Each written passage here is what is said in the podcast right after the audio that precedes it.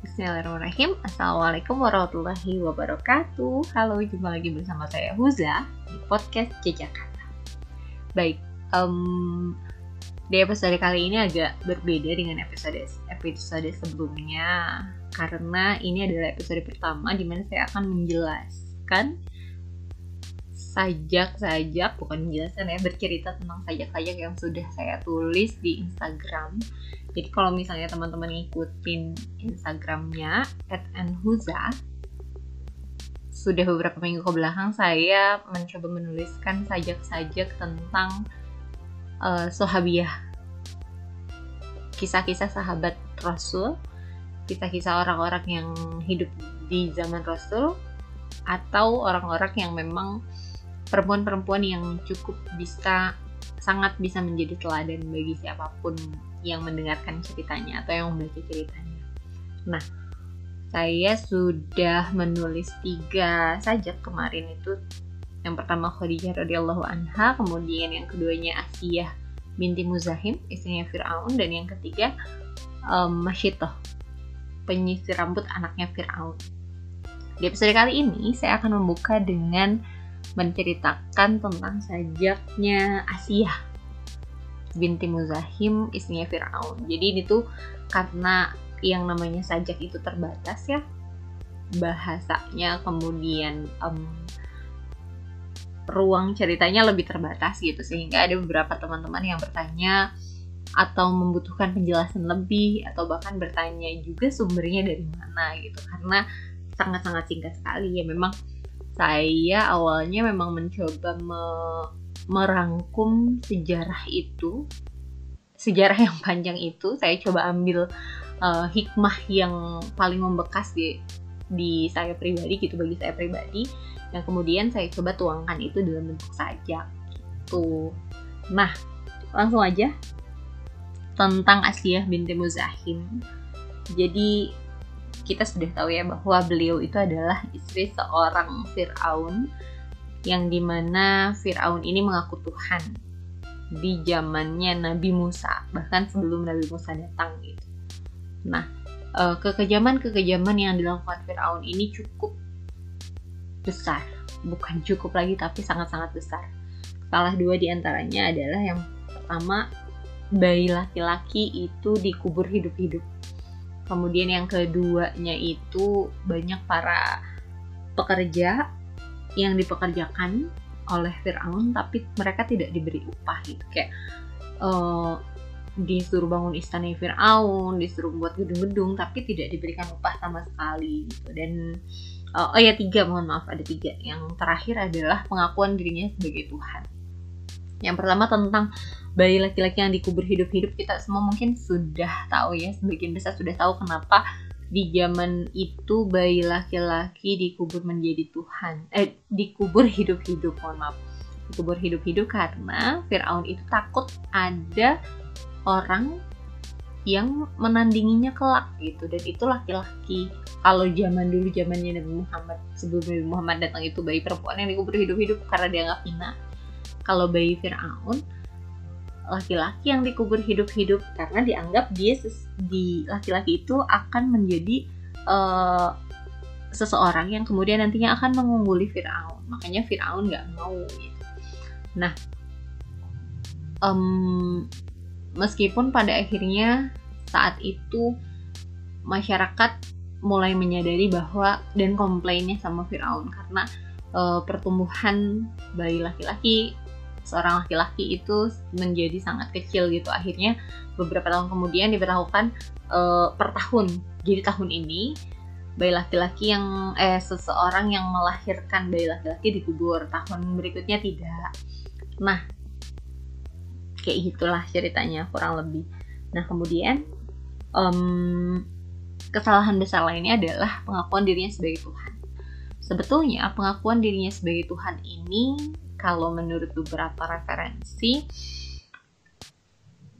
pengakuan Firaun sebagai Tuhan itu tidak datang dari dirinya sendiri tapi justru dari masyarakatnya yang mengagungkan dirinya dan juga mendorong dirinya sampai akhirnya dia mau mengaku uh, dia mau mengaku sebagai Tuhan. Jadi pengakuan dari masyarakatnya, kemudian uh, dorongan dari orang-orang untuk membuat dia mau mengaku Tuhan yang kemudian akhirnya beliau Firaun itu benar-benar mendeklarasikan dirinya, mengumumkan dirinya sebagai Tuhan dan meminta orang-orang untuk menyembah dirinya. Itu kekejaman yang luar biasa gitu. Nah, uh, kemudian di tengah kekejaman Firaun, ya Maha Suci Allah gitu, Allah menitipkan seseorang yang lembut hatinya, yang luar biasa, fitrahnya masih terjaga gitu lewat orang yang paling dekat dengan Fir'aun yaitu istrinya. Ya paling kalau bukan Asiyah binti Muzahim. Suatu hari Asia ini dalam beberapa kisah Asia ini nggak punya anak gitu. Jadi katanya Firaun itu uh, kayak punya kutukan gitulah. Sehingga dari istri-istri yang sebelumnya kemudian dari Asia pun Firaun nggak bisa punya anak. Pun ketika di, dia punya anak dia melahirkan gitu. Istri-istrinya melahirkan. Bayinya tuh nggak lama meninggal gitu. Jadi kayak uh, lo alam cuman di beberapa sumber sih dikatakan bahwa ada semacam penyakit gitu yang bisa menyebabkan bayinya meninggal setiap bayi yang dilahirkan oleh Firaun. Nah suatu hari hmm, Yukabad ibunda Musa melahirkan bayi. Ya Musa itu tadi gitu kan. Di mana bayi yang dilahirkan itu Nabi Musa itu dilahirkan pada tahun saatnya giliran bayi di, dikubur hidup-hidup. Otomatis ketakutan kan Yukabat itu. Makanya uh, Yukabat ibunya Nabi Musa ini mendapatkan wahyu. Ini benar-benar langsung dari Allah bahwa dia harus mengalirkan bayi itu ke uh, peti gitu ke, ke sungai pakai peti. Nah dengan keraguan dan lain sebagainya kebayang kebayang ya namanya ibu gitu kan baru ngelahirin. Terus meskipun saking takutnya nih takut Musa ini dikubur hidup-hidup takut ketahuan sama Fir'aun akhirnya uh, petunjuk dari Allah Nabi Musa ini harus dialirkan. Sebelum dialirkan ini ternyata Nabi Musa ini pernah diikatkan dulu ke uh, sebuah pohon gitu kali ya pohon kemudian dialirkan. Ketika misalnya mau dikasih makan ditarik si talinya terus dikasih makan disusuin kayak gitu. Nah sampai suatu hari datanglah perintah Allah untuk dialirkanlah Nabi Musa ini. Ketika dialirkan dari Allah dalam beberapa sumber sih ditemukan langsung oleh Fir'aun dan Asiyahnya di sungai Nil ketika mereka sedang berada di di pinggir sungai ini. Nah, ketika dilihat Asia mohon-mohon untuk bayinya agar bisa dibawa pulang dan dirawat oleh um, oleh Asia, tapi Firaun menolak. Firaun benar-benar menolak saat itu.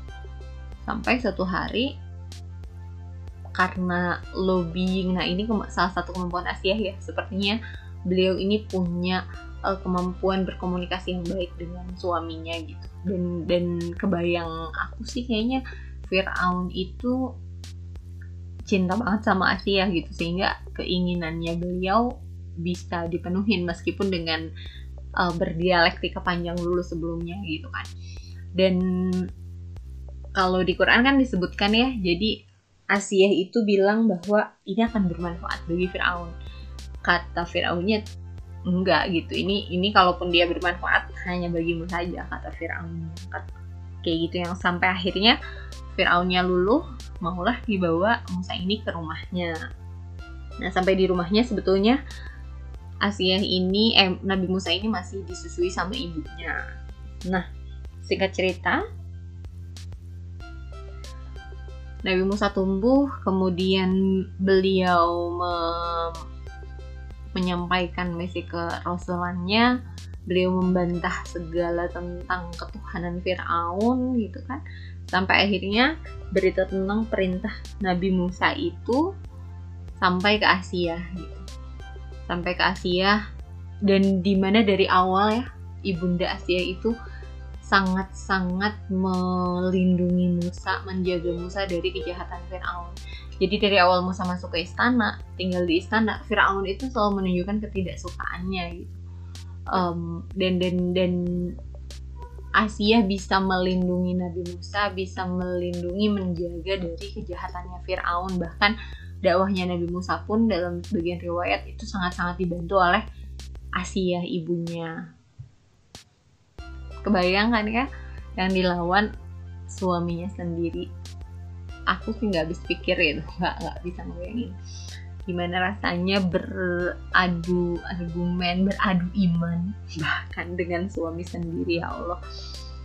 Um, di situlah keistimewaannya Aisyah yang sampai saat ini dikatakan bahwa beliau adalah wanita sempurna, satu dari empat wanita sempurna yang akan ditempatkan di surga.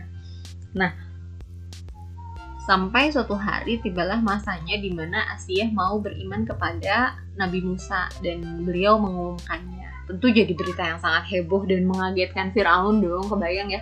Orang yang paling dekat dengan Fir'aun yang selama ini tidur sama Fir'aun satu rumah gitu kan yang paling deket banget tiba-tiba berkhianat sama Fir'aunnya gitu. Demi apa ya? Demi agama Allah gitu kan. Nah nah jadi aku tuh ngebayangin gimana rasanya jadi orang yang hidup dan melawan suami sendiri. Dan ya melawannya dalam artian beradu kebenaran ya kebenaran yang mutlak ya kebenaran imannya itu tadi gitu.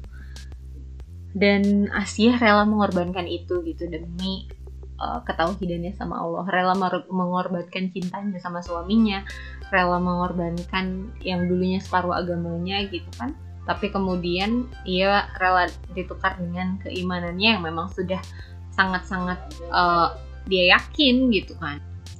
Nah awalnya ketika Asia um, menyatakan diri beriman sama Nabi Musa itu kan mengagetkan Firaun ya.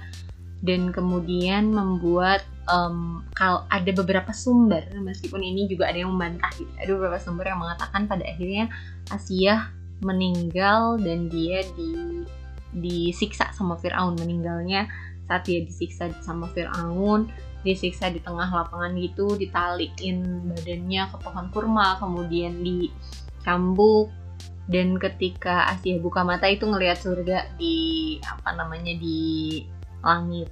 Nah itu itu beberapa sumber tapi ada juga yang membantah sumber itu gitu membantah cerita itu uh, saya sih nggak tahu pada akhirnya mana yang betul cuman memang kalau kalau dari ceritanya mungkin ada apa ya istilahnya ya benar atau tidaknya cerita tersebut gitu tetap ada pelajaran bagi kita bahwa Asia ini adalah wanita yang keimanannya sudah teruji gitu tidak perlu diragukan dia rela menukar seluruh cintanya sama suaminya demi cintanya sama Allah. Itu satu hal yang luar biasa sih menurutku. Jadi sungguh sangat luar biasa betapa kalau saya ngebayangin hidup di zaman itu gitu ya atau bahkan ngebayangin menjadi Asia gimana ceritanya gitu hidup satu atap sama suami yang nggak beriman kemudian mengaku Tuhan tapi dia dia sudah teguh dengan pendiriannya gitu. Dia sudah tidak bisa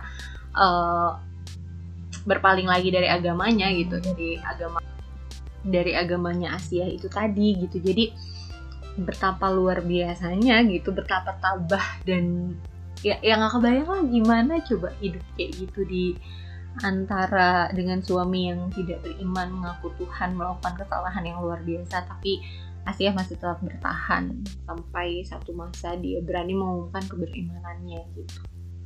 Nah uh, makanya di akhir sajak aku aku tulisin kan Allah tuntaskan misi ketauhidan satu masa berawal dari tanganmu yang menyelamatkan Musa. Tunai sudah jasamu terkenang oleh setiap manusia, teladan banyak wanita. Bahkan manusia paling mulia, maksudnya ini Rasulullah SAW, menyebutmu sebagai sesempurna wanita, satu dari empat sebaik-baik wanita semesta. Maka istana pun telah disiapkan untukmu di surga. Nah jadi kalau dalam Quran kan disebutkan bahwa Asia berdoa meminta surga kepada Allah dan ternyata dijawab oleh Rasulullah uh, lewat hadisnya memang masya Allah gitu. Asia telah dihadiahkan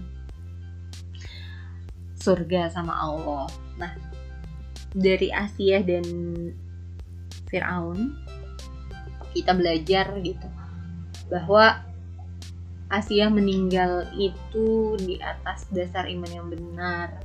Kemudian terwujudlah hingga Allah untuk mengabulkan doanya berupa sebuah rumah di surga sebelum dia melihat kaumnya beriman dengan keimanan yang dusta dan tidak diterima oleh Allah gitu kan. Nah, um, Asia juga meninggal dunia dan Allah memuliakannya dengan menyembunyikan tubuhnya dan menutupinya sampai sesudah kematiannya gitu. Sedangkan Firaun mati tenggelam dan Allah menjadikannya sebagai sesuatu yang menakjubkan. Jasadnya dipertontonkan gitu. Makanya ini salah satu hikmah dari tadi uh, yang bilang bahwa sumber cerita Asia disiksa, dipertontonkan dan lain sebagainya itu tidak benar katanya kan. Nah, hmm, Asia meninggal dunia dan dia juga menjadi teladan bagi yang mau meneladaninya. Sebetulnya kalau saya pribadi ada beberapa hal yang saya garis bawahi dari cerita Asia dan Firaun ini bahwa dari Asia dan Firaun harusnya kita menyadari bahwa sebagaimanapun kuasa seorang suami ternyata berdiskusi adalah salah satu komunikasi terbaik antara suami dan istri. Kalau kita ingat gimana Asia membujuk Fir'aun untuk membiarkan Musa hidup di istananya dengan dalih sebuah harapan dapat bermanfaat untuk kehidupan mereka Sampai akhirnya Fir'aun pun menyetujuinya setelah berkali-kali menolak usulan Asia. Maka itulah tadi bermula dari Fir'aun yang mau mendengarkan keinginan dan pandangan sang istri, justru dari situlah kejayaan Tauhid dimulai pada masa Ya tapi bukan berarti kisah Asia ini bisa dijadikan alasan untuk tetap apa istilahnya kekeh dengan pendapat sendiri di hadapan suami toh berdiskusi hanyalah salah satu langkah lahirnya sebuah keputusan dari suami yang tetap harus kita hargai dan taati selama keputusan finalnya bukan dalam konteks bermaksiat kepada Allah. Jadi tidak semua serta merta semua pendapat suami harus menjadi keputusan mutlak atau serta merta semua pendapat istri pun harus menjadi keputusan mutlak. Akan tapi ada masanya Dua-duanya, suami maupun istri harus mendengarkan serta mempertimbangkan pandangan satu sama lainnya. Intinya komunikasi dan dari Asia inilah um, perlu kita renungkan bagaimana dia bisa menjalin komunikasi yang baik dengan suaminya sampai akhirnya suaminya luluh dan dari situlah awal mula purnanya misi ketauhidan satu masa. Maka purna sudah dirikan iman Asiyah binti Muzahim sang istri di, di sana Fir'aun. Baik. Segitu dulu mungkin penjelasan dari saja yang sangat-sangat singkat. Mudah-mudahan bisa sedikit mencerahkan dan tentunya banyak hikmah yang bisa kita ambil dari kisah Sohabiah gitu. Apalagi ini Asia adalah satu dari empat wanita yang dikatakan sempurna oleh Rasulullah Shallallahu Alaihi Wasallam. Satu dari empat wanita yang sudah dijanjikan surga oleh Rasulullah SAW. Terima kasih banyak. Wassalamualaikum warahmatullahi wabarakatuh dan sampai jumpa di podcast di Jakarta selanjutnya.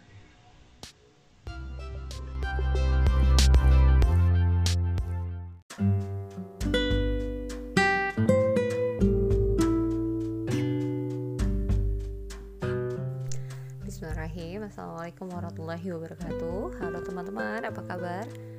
Eh, selamat datang kembali ya di podcast di Jakarta Meskipun setelah beberapa episode terlewat Dan cukup panjang juga waktunya Saya nggak bikin um, episode ini. Nah, jadi seperti yang di episode sebelumnya di episode kali ini saya akan menjelaskan atau menceritakan sajak saya yang pernah dibuat beberapa minggu yang lalu. Bulan yang lalu mungkin ya terakhir. Itu tentang uh, putrinya Nabi Muhammad Fatimah Zahra. Nah kenapa Fatimah Zahra ini menjadi menarik sebelumnya. Karena awalnya saya tuh penasaran dengan ceritanya beliau kenapa di antara satu yang pertama di antara anak-anak yang lain anaknya Nabi Muhammad itu cuma Fatimah kemudian yang akhirnya uh, di ujung hidupnya Nabi Muhammad dia yang dibisikkan oleh Nabi Muhammad. Kemudian dia juga dijanjikan menjadi pemuka kaum Hawa kaum perempuan di surga nantinya. Nah uh, sedangkan ya maksudnya saya mempertanyakan itu gitu. Sedangkan cerita-cerita yang masyhur di masyarakat itu kalau ngomongin Fatimah pasti larinya ke Ali gitu. Ceritanya pasti dikaitkan dengan Ali bin Abi Thalib. Tentang kisah cintanya tentang perjalanan hidupnya dengan Ali bin Abi Thalib gitu. Itu yang masyhur di masyarakat. Nah tapi berdasarkan apa ya beberapa referensi yang mungkin baru sedikit referensinya yang saya baca ada beberapa keunikan Fatimah yang mungkin bisa jadi salah satu alasan kenapa kok kuat banget sampai disejajarkan dengan Khadijah, disejajarkan dengan Maryam, disejajarkan dengan Asia uh, dan terakhirnya Fatimah gitu empat perempuan itu yang menjadi dikatakan sebagai perempuan terbaik di dunia ini gitu.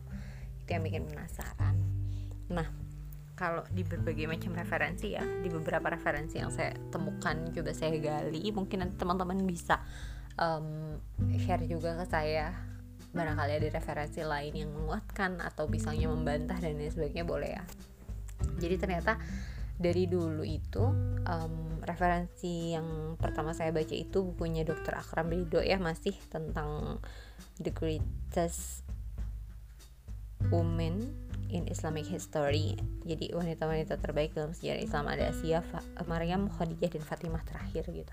Nah di buku ini tuh dijelasin bahwa Fatimah itu dari sejak kecil itu sudah menemani Rasulullah dan bahkan dia uh, sempat juga hidup dengan Siti Khadijah.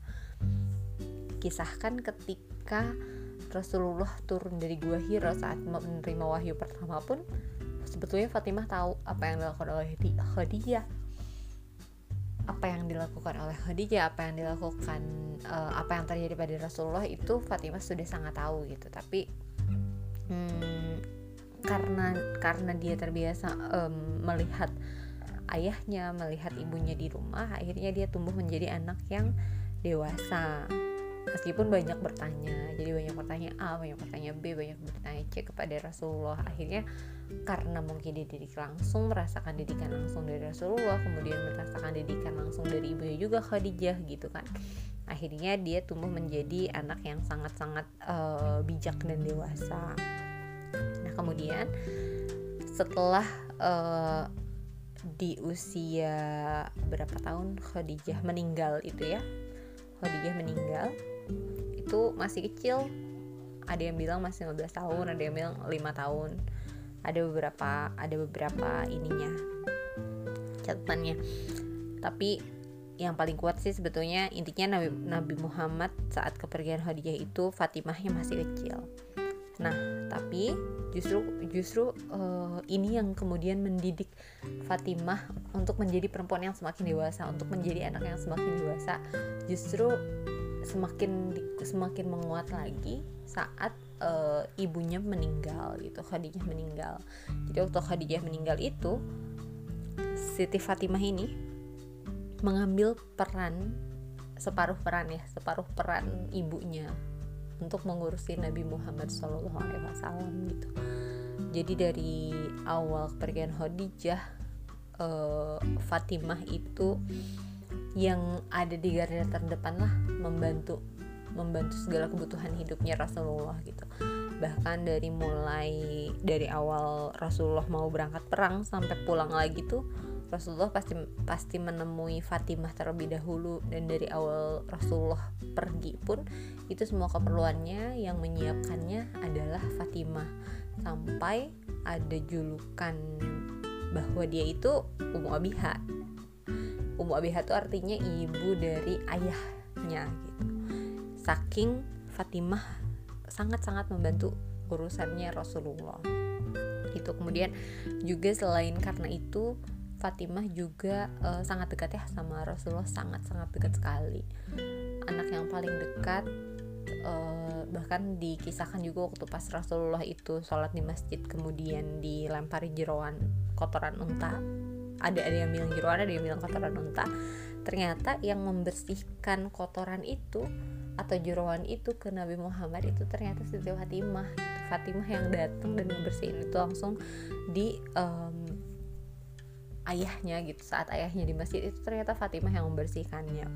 Kemudian waktu pas perang Uhud juga kan pas perang Uhud uh, Nabi Muhammad diserang dan giginya sampai patah sampai berdarah sampai lari kemudian bersembunyi dan beberapa masyarakat uh, orang-orangnya tuh yang karena Muhammad meninggal kan waktu pas perang Uhud ternyata yang me mengobati Nabi Muhammad saat perang Uhud itu adalah Siti Fatimah.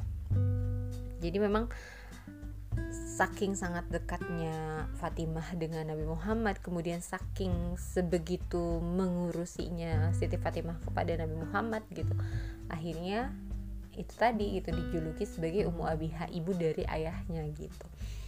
Jadi udah udah udah teruji lah ya hidup dengan ayahnya. Kemudian bener-bener sepertinya bakti sepenuhnya tuh diserahkan diberikan kepada ayahnya gitu. Setelah kepergian ibunya sendiri. Jadi dia yang benar-benar ngurusin Nabi Muhammad dari sejak Khadijah pergi sampai ya sampai Nabi Muhammadnya wafat gitu sampai ketika sudah menikah dengan Ali pun ya memang masih uh, Fatimah menikah dengan Ali pun masih masih saja Fatimah tidak lupa untuk mengurusi ayahnya gitu. Jadi memang satu hal yang sangat-sangat saya uh, tertampar ya saat baca Fatimah ini. Ternyata kalau di luar sana itu justru yang masyhur ceritanya Fatimah dengan Ali kisah cintanya yang bikin baper dan lain sebagainya.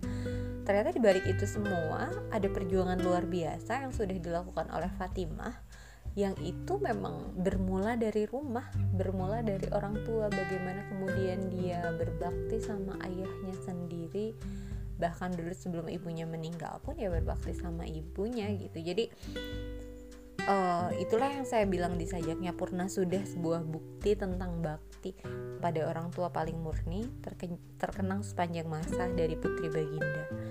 Jadi Fatimah itu figur yang paripurna kalau menurut saya untuk uh, kita belajar kembali bagaimana seharusnya kita bersikap kepada orang tua, bagaimana seharusnya kita berbakti kepada orang tua. Itu tuh semuanya udah dicontohin bahkan langsung sama anaknya Rasul sendiri gitu.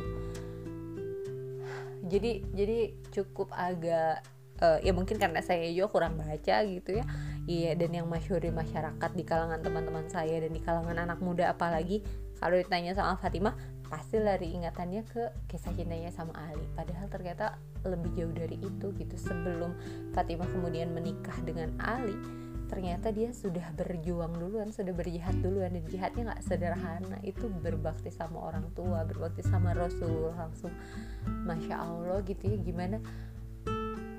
Gimana rasanya ngurusin sosok Rasulullah ya masya Allah.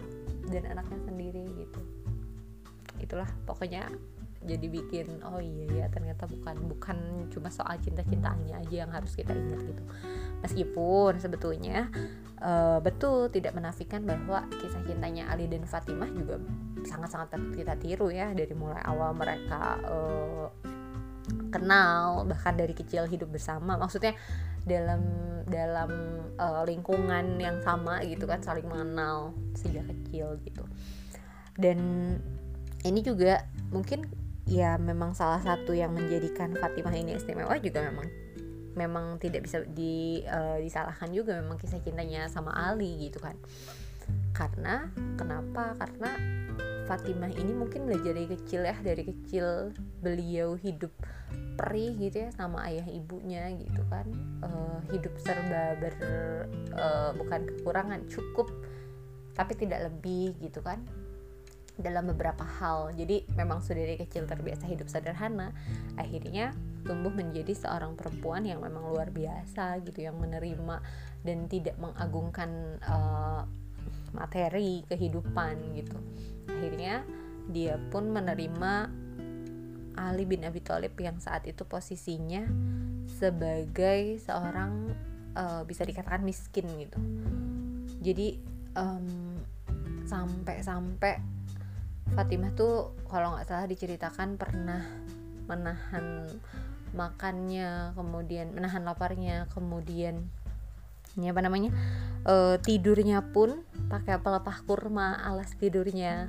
Kemudian baju yang sobek tuh ditambal berkali-kali. Saking memang nggak ada ya nggak ya ya tidak tidak cukup gitu kekurangan gitu. Tapi uh, apa ya? Ya itu lapang dada mungkin ya.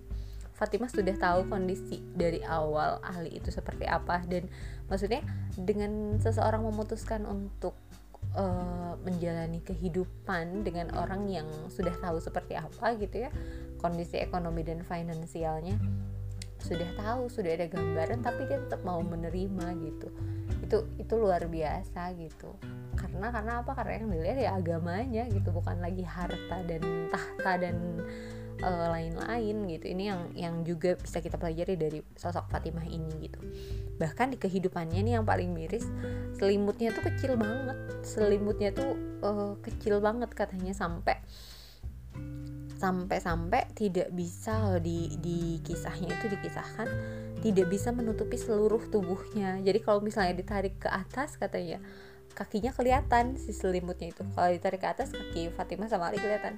Kalau ditutupin kaki berarti bagian atasnya tidak terselimuti masya Allah. Pokoknya luar biasa lah. Tapi nggak pernah ngeluh. Itu luar itu itu yang bikin jadi luar biasa juga nggak nggak pernah ngeluh. Bahkan nggak um, apa namanya sungkan untuk minta atau bilang ke ayahnya. Padahal kita tahu ya ayahnya seorang nabi seorang yang terhormat sangat sangat terhormat sangat sangat dihormati gitu. Tapi beliau tidak memanfaatkan uh, kehormatan ayahnya tidak memanfaatkan keagungan ayahnya gitu. Ya ia hidup dengan mandiri dengan caranya dia sendiri dan rumah tangganya sendiri. Itu yang bisa kita uh, ambil juga pelajaran dari sosok Fatimah ini nah kemudian hmm, selanjutnya yang saya juga bikin iri saat membaca sampai ya ya wajar ya yang namanya iri. Karena meskipun secara ekonomi Fatimah itu tidak dapat artinya dia serba kekurangan atau misalnya atau bahkan bukan kekurangan lagi gitu kan lebih dari itu semua. Tapi satu hal yang ini beruntung beruntung yang nggak semua orang bisa dapatkan gitu. Tidak tidak semua orang bisa mendapatkan ini apa. Ternyata nasihatnya Rasulullah. Jadi Rasulullah itu kalau misalnya um, apa namanya ke Fatimah dan ke Ali itu ngebimbing banget ngebimbing banget rumah tangganya Fatimah dan Ali.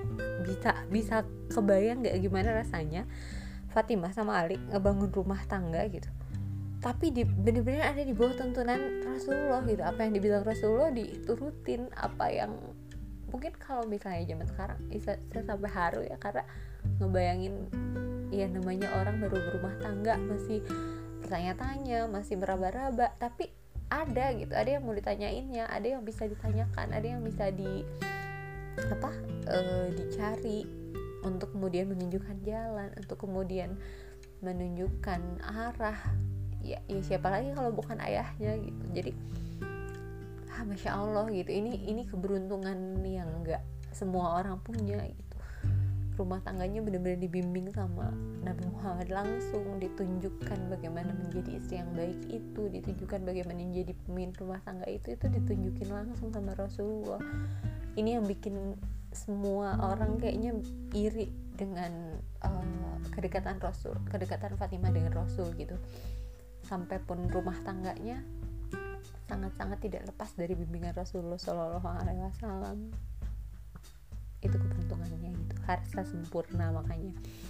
Dan terakhir ini ini juga yang membuktikan dan menguatkan kenapa kemudian uh, Fatimah menjadi sosok yang uh, dijanjikan Rasul surga. Sudah jelas ya dijanjikan surga. Kemudian dijamin kebaikannya dan menjadi dan akan menjadi pemimpin di pemimpin kaum Hawa di surga kelak gitu kan. Ternyata setelah sebelum Rasulullah wafat ini ceritanya udah masyhur ya. Jadi selain Aisyah yang mendampingi Rasulullah ternyata Fatimah juga yang diminta untuk uh, mendampingi Rasulullah. Bahkan Fatimah yang diminta untuk dibisikkan sama Rasulullah. Rasulullah yang meminta untuk berbisik pada Fatimah. gitu kita tahu ya ada dua bisikan bisikan pertama itu um, apa namanya yang bikin Fatimah nangis Fatimah nangis bisikan pertamanya karena uh, Rasulullah SAW memberikan isyarat bahwa beliau akan meninggal. Yang yang yang saat setelah membisikkan itu teh uh, Fatimahnya nangis nangis dengan senangis nangisnya dikisahkan dalam beberapa hadis tapi kemudian Rasulullah melihat putrinya menangis seperti itu akhirnya uh, Rasulullah membisikkan kembali untuk kedua kalinya yang kemudian bisikan yang kedua ini yang sangat-sangat membuat Fatimah terhibur istilahnya. Jadi kalau yang pertama bisikan itu membuat nangis karena akan diberitahukan bahwa Rasulullah akan segera pergi. Yang keduanya ini adalah uh, Fatimah tersenyum kenapa? Karena yang pertama Fatimah adalah uh, anggota keluarga Rasul. Yang pertama kali menyusul Rasul. Keduanya Fatimah juga akan menjadi uh, pemimpin kaum wanita di surga gitu.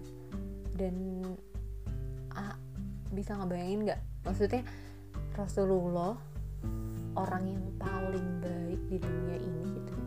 Uh, suri tauladan yang paling baik di dunia ini menempatkan putrinya Fatimah sebegitu tinggi derajatnya. Gitu bisa dibayangkan nggak?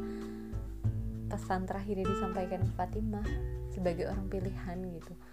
Jadi betapa uh, tinggi sekali posisi Fatimah di hati Rasulullah itu. Betapa Rasulullah menyadari bahwa Fatimah itu sangat-sangat berjasa bagi kehidupan Rasul sebelum Rasulullah meninggal dan ya sejak kepergian Khadijah itu Fatimah menjadi orang yang paling berjasa mungkin buat Rasul mengurusi salah satu orang yang paling berjasa buat Rasul karena mengurusi seluruh kebutuhan Rasul sampai orang-orang menjulukinya Ummu Abiha. Di situlah ya itulah kenapa mungkin kalau saya sih selain kisah cintanya dengan Ali yang harus kita uh, teladani juga gitu kesabarannya Fatimah juga uh, hidup dengan Ali berumah tangga dengan Ali yang serba kekurangan dan lain sebagainya tapi juga ada satu hal yang juga nggak kalah penting dan nggak bisa kita lupakan dan harus kita ambil pelajarannya yaitu pelajaran tentang baktinya Fatimah kepada orang tuanya sendiri tanpa pamrih tulus mengurusi semua keperluannya sampai-sampai Rasulullah mengenang jasa itu gitu. Rasulullah sendiri mengakui jasanya Fatimah kemudian Rasulullah sendiri yang seolah-olah menunjukkan kepada kita semua bahwa Fatimah ini spesial. Fatimah ini punya tempat di hatinya Rasulullah. Sampai dikatakan sampai Rasulullah mengatakan bahwa Fatimah sebaik-baik wanita di antara empat itu dan udah jelas dijamin surga bahkan dijanjikan kembali akan menjadi pemimpin kaum hawa di surganya kelak. Jadi masya allah gitu. Sosok Fatimah orang yang berbakti kepada orang tuanya itu ternyata memang punya tempat di hati Rasulullah yang nggak bisa disepelekan juga tempatnya. Ya, siapa yang nggak bisa ngebayangin seberapa tingginya uh, ya seberapa tingginya posisi itu gitu saat Rasulullah yang mengakuinya seorang Rasul seorang yang selama ini kita agungkan dan dan kita rindukan gitu masya Allah. Ya gitu tadi. Jadi saya ke bawah haru. Jadi itulah tadi uh, sedikit cerita singkat banget tentang Fatimah Zahra putri Rasulullah Shallallahu Alaihi Wasallam dan juga dijanjikan akan menjadi pemimpin seluruh wanita di surga. Masya Allah, tabarakallah Semoga kita semua bisa meneladani sifat-sifat baik dan perilaku-perilaku baik Fatimah Zahra Putri Rasulullah yang juga bisa berbakti pada orang tua juga bisa menjalani uh, rumah tangga di bawah bimbingan Rasulullah SAW meskipun mungkin kita tidak bisa secara langsung ada nas-nas, ada hadis-hadis yang masih bisa kita pelajari dari sekarang yang itu juga warisan dari Rasulullah SAW itu sendiri. Terima kasih. Semoga bermanfaat. Uh, semoga bisa diambil yang baik-baiknya saja. Barakallahu walakum assalamualaikum warahmatullahi wabarakatuh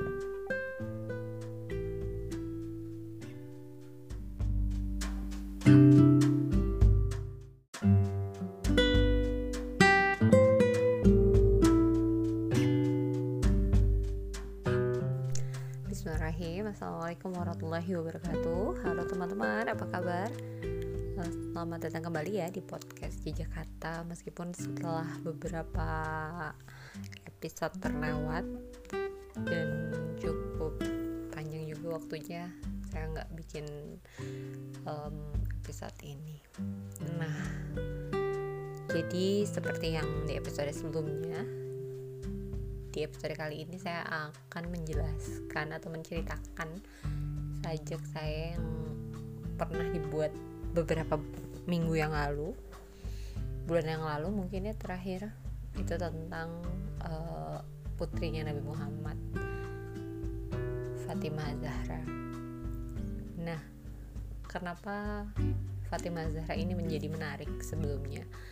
Karena awalnya saya tuh penasaran dengan ceritanya beliau kenapa di antara satu yang pertama di antara anak-anak yang lain anaknya Nabi Muhammad itu cuma Fatimah kemudian yang akhirnya uh, di ujung hidupnya Nabi Muhammad dia yang dibisikkan oleh Nabi Muhammad. Kemudian dia juga dijanjikan menjadi pemuka kaum Hawa kaum perempuan di surga nantinya.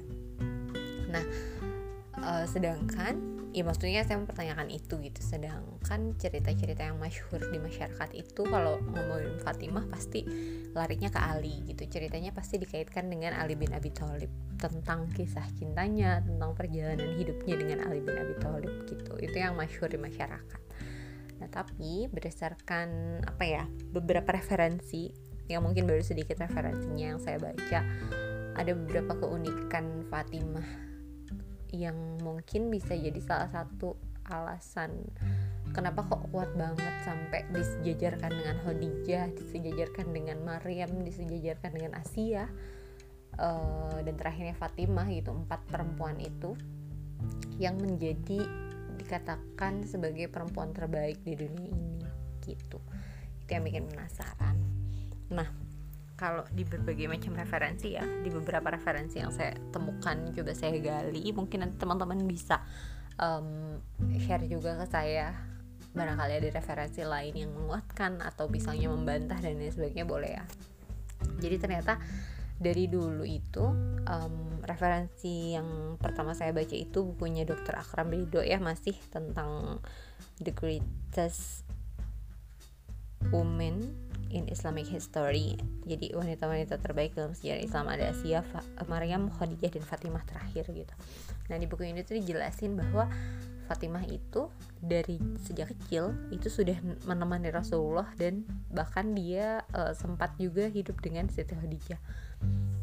Kisahkan ketika Rasulullah turun dari gua Hira saat menerima wahyu pertama pun sebetulnya Fatimah tahu apa yang dilakukan oleh Khadijah apa yang dilakukan oleh Khadijah, apa yang dilakukan uh, apa yang terjadi pada Rasulullah itu Fatimah sudah sangat tahu gitu. Tapi hmm, karena karena dia terbiasa um, melihat ayahnya, melihat ibunya di rumah, akhirnya dia tumbuh menjadi anak yang dewasa meskipun banyak bertanya jadi banyak bertanya A banyak bertanya B banyak bertanya C kepada Rasulullah. Akhirnya karena mungkin dididik langsung merasakan didikan langsung dari Rasulullah kemudian merasakan didikan langsung dari ibunya juga Khadijah gitu kan. Akhirnya dia tumbuh menjadi anak yang sangat-sangat uh, bijak dan dewasa.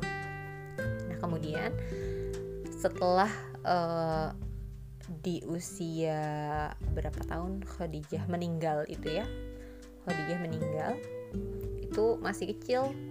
Ada yang bilang masih 15 tahun ada yang bilang 5 tahun. Ada beberapa ada beberapa ininya catatannya. Tapi yang paling kuat sih sebetulnya intinya Nabi, Nabi Muhammad saat kepergian Khadijah itu Fatimahnya masih kecil. Nah tapi justru justru uh, ini yang kemudian mendidik Fatimah untuk menjadi perempuan yang semakin dewasa untuk menjadi anak yang semakin dewasa. Justru semakin semakin menguat lagi saat uh, ibunya meninggal gitu Khadijah meninggal. Jadi waktu Khadijah meninggal itu Siti Fatimah ini mengambil peran separuh peran ya separuh peran ibunya untuk mengurusi Nabi Muhammad SAW gitu.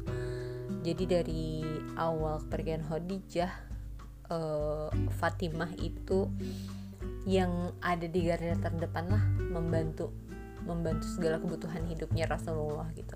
Bahkan dari mulai dari awal Rasulullah mau berangkat perang sampai pulang lagi tuh Rasulullah pasti pasti menemui Fatimah terlebih dahulu. Dan dari awal Rasulullah pergi pun itu semua keperluannya yang menyiapkannya adalah Fatimah. Sampai ada julukan bahwa dia itu Ummu Abiha Ummu Abiha itu artinya ibu dari ayahnya gitu. Saking Fatimah sangat-sangat membantu urusannya Rasulullah. Itu kemudian juga selain karena itu Fatimah juga uh, sangat dekat ya sama Rasulullah sangat sangat dekat sekali.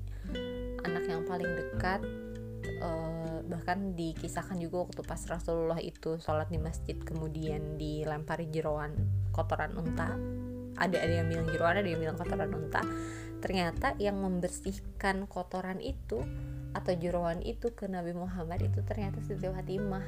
Fatimah yang datang dan membersihin itu langsung di um, ayahnya gitu. Saat ayahnya di masjid itu ternyata Fatimah yang membersihkannya. Kemudian waktu pas perang Uhud juga kan pas perang Uhud uh, Nabi Muhammad diserang dan giginya sampai patah sampai berdarah sampai lari kemudian bersembunyi dan beberapa masyarakat uh, orang-orangnya tuh yang karena Muhammad meninggal kan waktu pas perang Uhud ternyata yang me mengobati Nabi Muhammad saat perang Uhud itu adalah Siti Fatimah. Jadi memang saking sangat dekatnya Fatimah dengan Nabi Muhammad, kemudian saking sebegitu mengurusinya Siti Fatimah kepada Nabi Muhammad gitu. Akhirnya itu tadi itu dijuluki sebagai Ummu Abiha, ibu dari ayahnya gitu. Jadi udah udah udah teruji lah ya hidup dengan ayahnya kemudian benar-benar sepertinya bakti sepenuhnya tuh diserahkan diberikan kepada ayahnya gitu setelah kepergian ibunya sendiri. Jadi dia yang benar-benar ngurusin Nabi Muhammad dari sejak Khadijah pergi sampai ya sampai Nabi Muhammadnya wafat gitu. Sampai ketika sudah menikah dengan Ali pun ya memang masih uh, Fatimah menikah dengan Ali pun masih masih saja Fatimah tidak lupa untuk mengurusi ayahnya gitu. Jadi memang satu hal yang sangat-sangat saya uh, tertampar ya saat baca Fatimah ini. Ternyata kalau di luar sana itu justru yang masyhur ceritanya Fatimah dengan Ali kisah cintanya yang bikin baper dan lain sebagainya.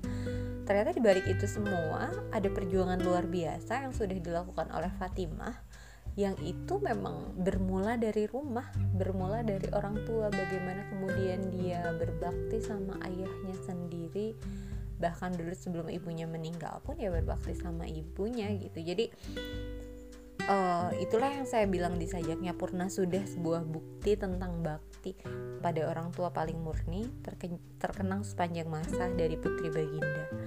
Jadi Fatimah itu figur yang paripurna kalau menurut saya untuk uh, kita belajar kembali bagaimana seharusnya kita bersikap kepada orang tua, bagaimana seharusnya kita berbakti kepada orang tua. Itu tuh semuanya udah dicontohin bahkan langsung sama anaknya Rasul sendiri gitu.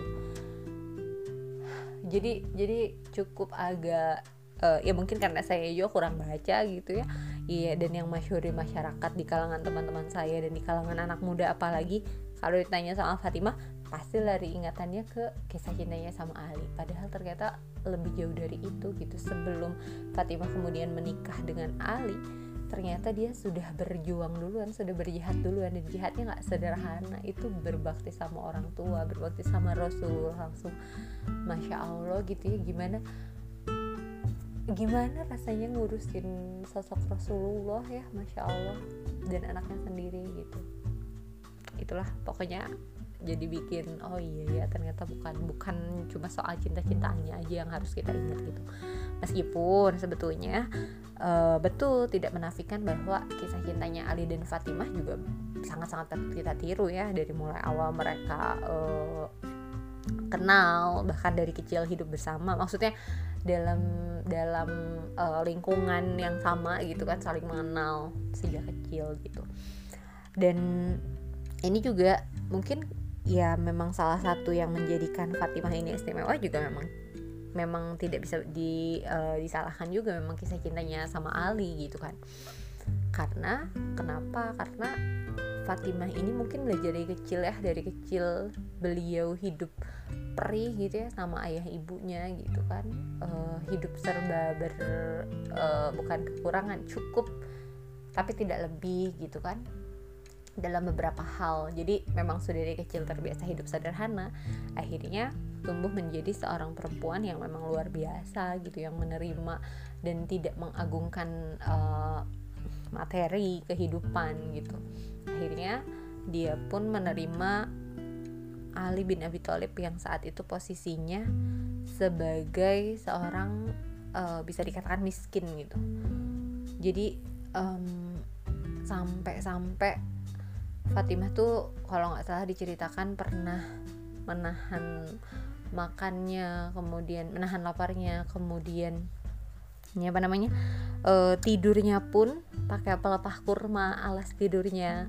Kemudian baju yang sobek tuh ditambal berkali-kali. Saking memang nggak ada ya nggak ya ya tidak tidak cukup gitu kekurangan gitu. Tapi uh, apa ya ya itu lapang dada mungkin ya. Fatimah sudah tahu kondisi dari awal ahli itu seperti apa dan maksudnya dengan seseorang memutuskan untuk uh, menjalani kehidupan dengan orang yang sudah tahu seperti apa gitu ya kondisi ekonomi dan finansialnya sudah tahu sudah ada gambaran tapi dia tetap mau menerima gitu. Itu itu luar biasa gitu karena karena apa? Karena yang dilihat ya agamanya gitu bukan lagi harta dan tahta dan uh, lain-lain gitu. Ini yang yang juga bisa kita pelajari dari sosok Fatimah ini gitu. Bahkan di kehidupannya nih yang paling miris selimutnya tuh kecil banget. Selimutnya tuh uh, kecil banget katanya sampai sampai-sampai tidak bisa di di kisahnya itu dikisahkan tidak bisa menutupi seluruh tubuhnya. Jadi kalau misalnya ditarik ke atas katanya kakinya kelihatan si selimutnya itu. Kalau ditarik ke atas kaki Fatimah sama Ali kelihatan. Kalau ditutupin kaki berarti bagian atasnya tidak terselimuti masya Allah. Pokoknya luar biasa lah. Tapi nggak pernah ngeluh. Itu luar itu itu yang bikin jadi luar biasanya juga nggak nggak pernah ngeluh.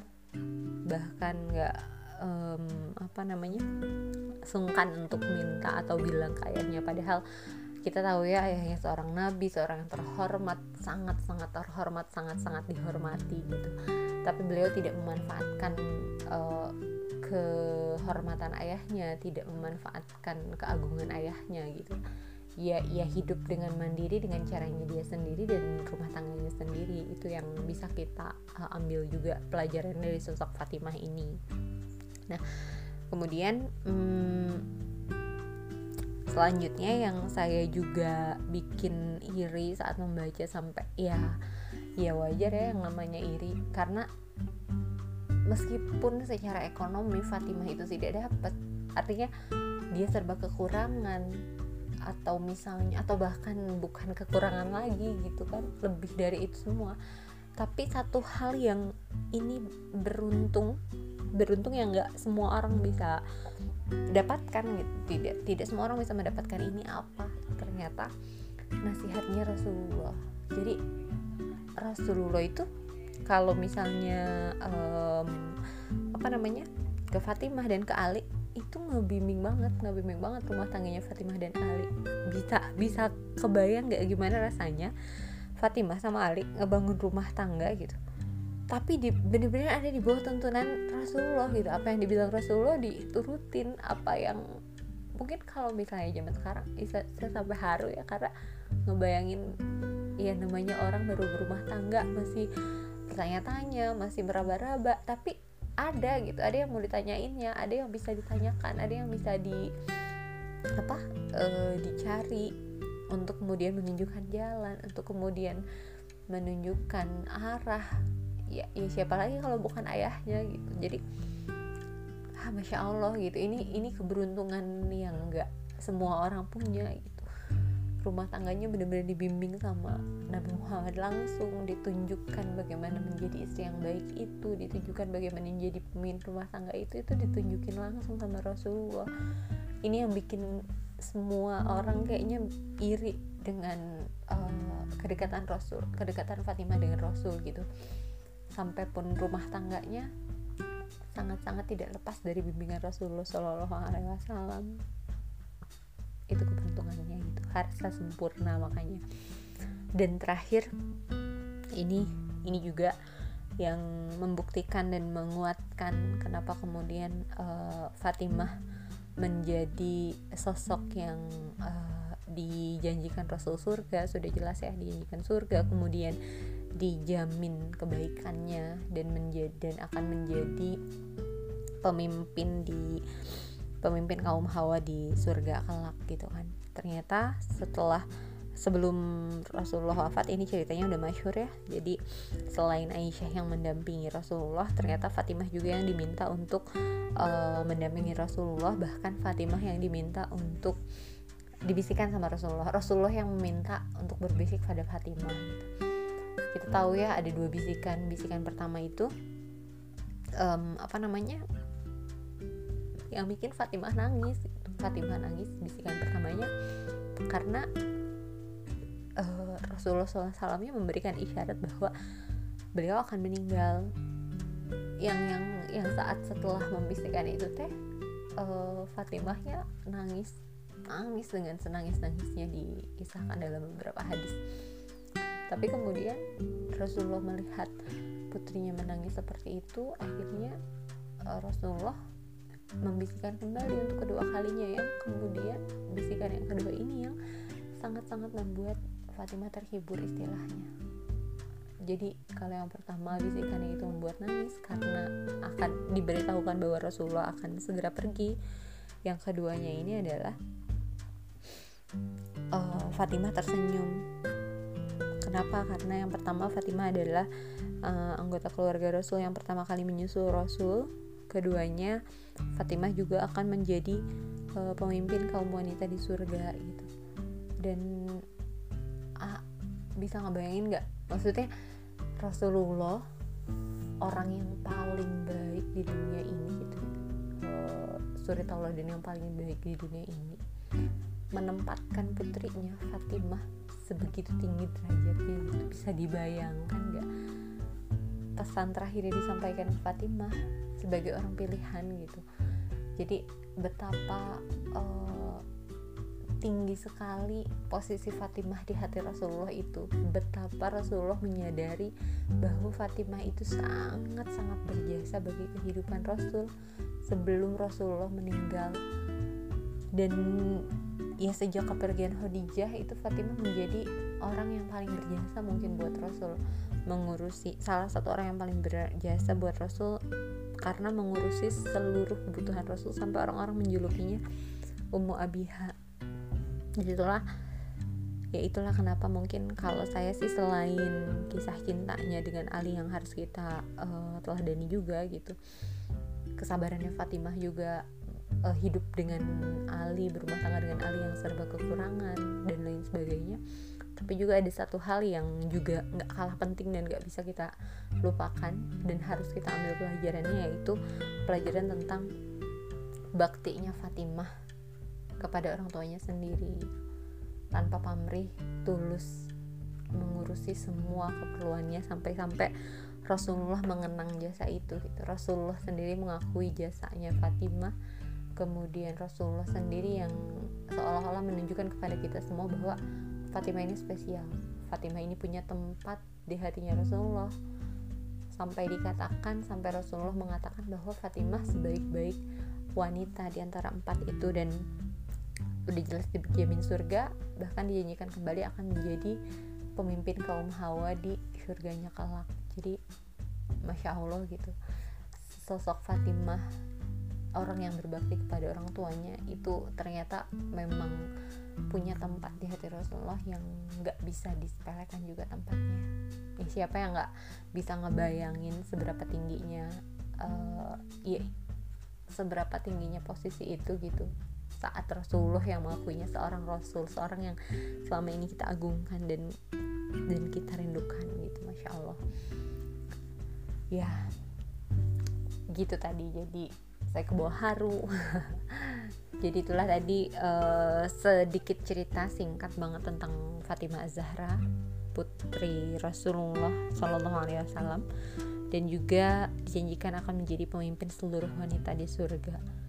Masya Allah, tabarakallah. Semoga kita semua bisa meneladani sifat-sifat baik dan perilaku-perilaku baik Fatimah Zahra Putri Rasulullah yang juga bisa berbakti pada orang tua, juga bisa menjalani uh, rumah tangga di bawah bimbingan Rasulullah SAW. Meskipun mungkin kita tidak bisa secara langsung, ada nas-nas, ada hadis-hadis yang masih bisa kita pelajari dari sekarang yang itu juga warisan dari Rasulullah SAW itu sendiri.